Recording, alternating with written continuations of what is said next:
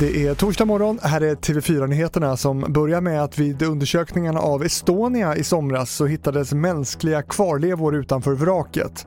Och nu kräver anhöriga att kropparna tas upp och identifieras.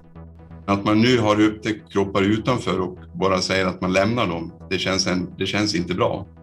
Jag tycker att det rimliga vore att man tar upp kropparna och identifierar dem. Det sa Lennart Berglund, ordförande för stiftelsen Estonia Offren och anhöriga. Efter grönt ljus från Folkhälsomyndigheten den 1 september kör nu Västra Götalandsregionen igång med en tredje dos av covidvaccin, det rapporterar P4 Göteborg. Påfyllnadsdosen är till för personer med kraftigt sänkt immunförsvar och som har genomgått transplantationer. Och så avslutar vi i Norge där kunskaperna och medvetenheten om hur rasism och diskriminering fungerar är för dålig. Det anser de styrande i Oslo. Därför har de nu bestämt att undervisning i ämnet ska in i läroplanen i stadens skolor.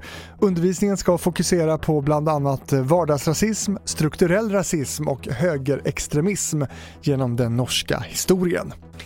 Och det var TV4-nyheterna. Jag heter Fredrik Rahlstrand.